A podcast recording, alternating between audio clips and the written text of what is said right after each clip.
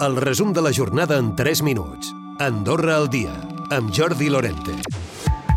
Els principis i els valors a l'ONU han estat protagonistes al discurs del cap de govern. La guerra a Ucraïna, en evident violació de la Carta de les Nacions Unides, ha deixat al descobert escletxes de l'ordre internacional i ha corroborat la pèrdua de respecte per als valors comuns. La nostra veu al món no té la força de la demografia, dels exèrcits, dels recursos naturals o del posicionament geoestratègic, però té la força dels principis i dels valors. Xavier Espot ha aprofitat per destacar aquests reptes actuals, la crisi climàtica, l'energètica i la guerra a Ucraïna.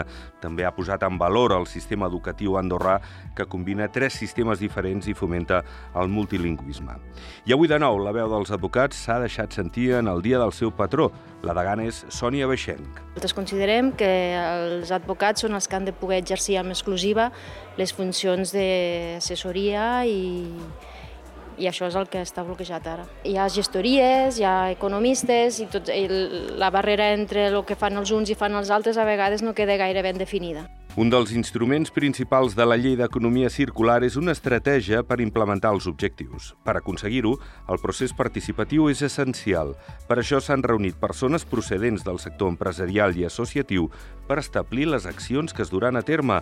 Sílvia Calbó, ministra de Medi Ambient, Agricultura i Sostenibilitat. Que aquí el que farem és incorporar el que pensa la ciutadania, les associacions, el sector empresarial i també que ells ens validin si les propostes que nosaltres hem treballat a nivell tècnic realment les consideren doncs, implementables. La cònsul major d'Encamp confia en que els 12 projectes que han entrat al comú tiraran endavant. No han estat projectes entrats els darrers dies, sinó que ja es treballaven amb els tècnics del comú des de fa temps.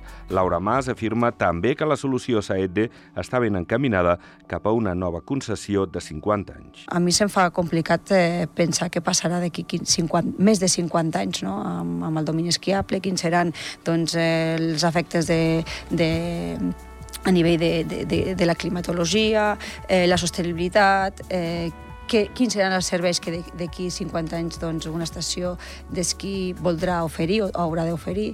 Per tant, jo crec que 50 anys és un termini prou raonable. Sant Julià de Lòria fa un pas enrere de segles per viure al cap de setmana la seva vila medieval, que serà protagonista fins diumenge, amb parades, tallers i activitats per a la família. Recupera el resum de la jornada cada dia a Andorra Difusió.